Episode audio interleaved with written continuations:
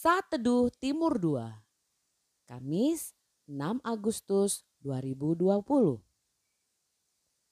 Mengucap syukurlah dan mengandalkan Tuhan.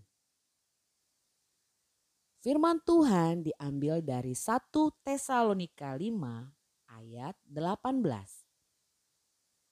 Mengucap syukurlah dalam segala hal sebab itulah yang dikehendaki Allah di dalam Kristus Yesus bagi kamu.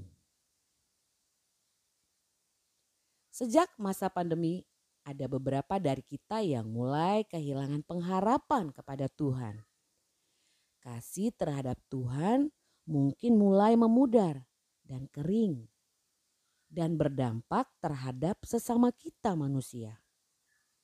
Bisa itu teman sekolah atau kuliah, rekan kerja, pasangan suami istri, adik kakak, ataupun bisa terhadap rekan pelayanan di gereja.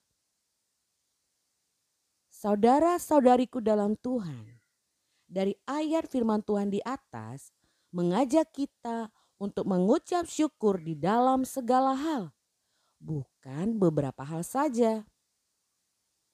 Kita bisa melewati badai pandemi ini bersama Tuhan yang memiliki kuasa yang tidak terbatas dan sebagai anak-anak tebusannya kita memiliki kuasa di dalam doa dan terus memperkatakan firman Tuhan.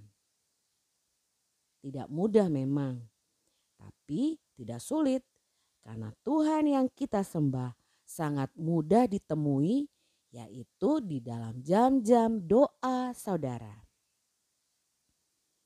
Jangan karena situasi sulit membuat kita jauh dari Tuhan dan berlari terhadap panggilan Tuhan. Tetaplah percaya, tetaplah berserah. Apa pun yang terjadi, kita selalu mengandalkan Dia, Raja segala raja. Allah El Shaddai, Allah Maha Besar, berkuasa atas hidup saudara dan saya. Selamat menikmati hari yang baru. Tuhan Yesus memberkati kita semua. Shalom.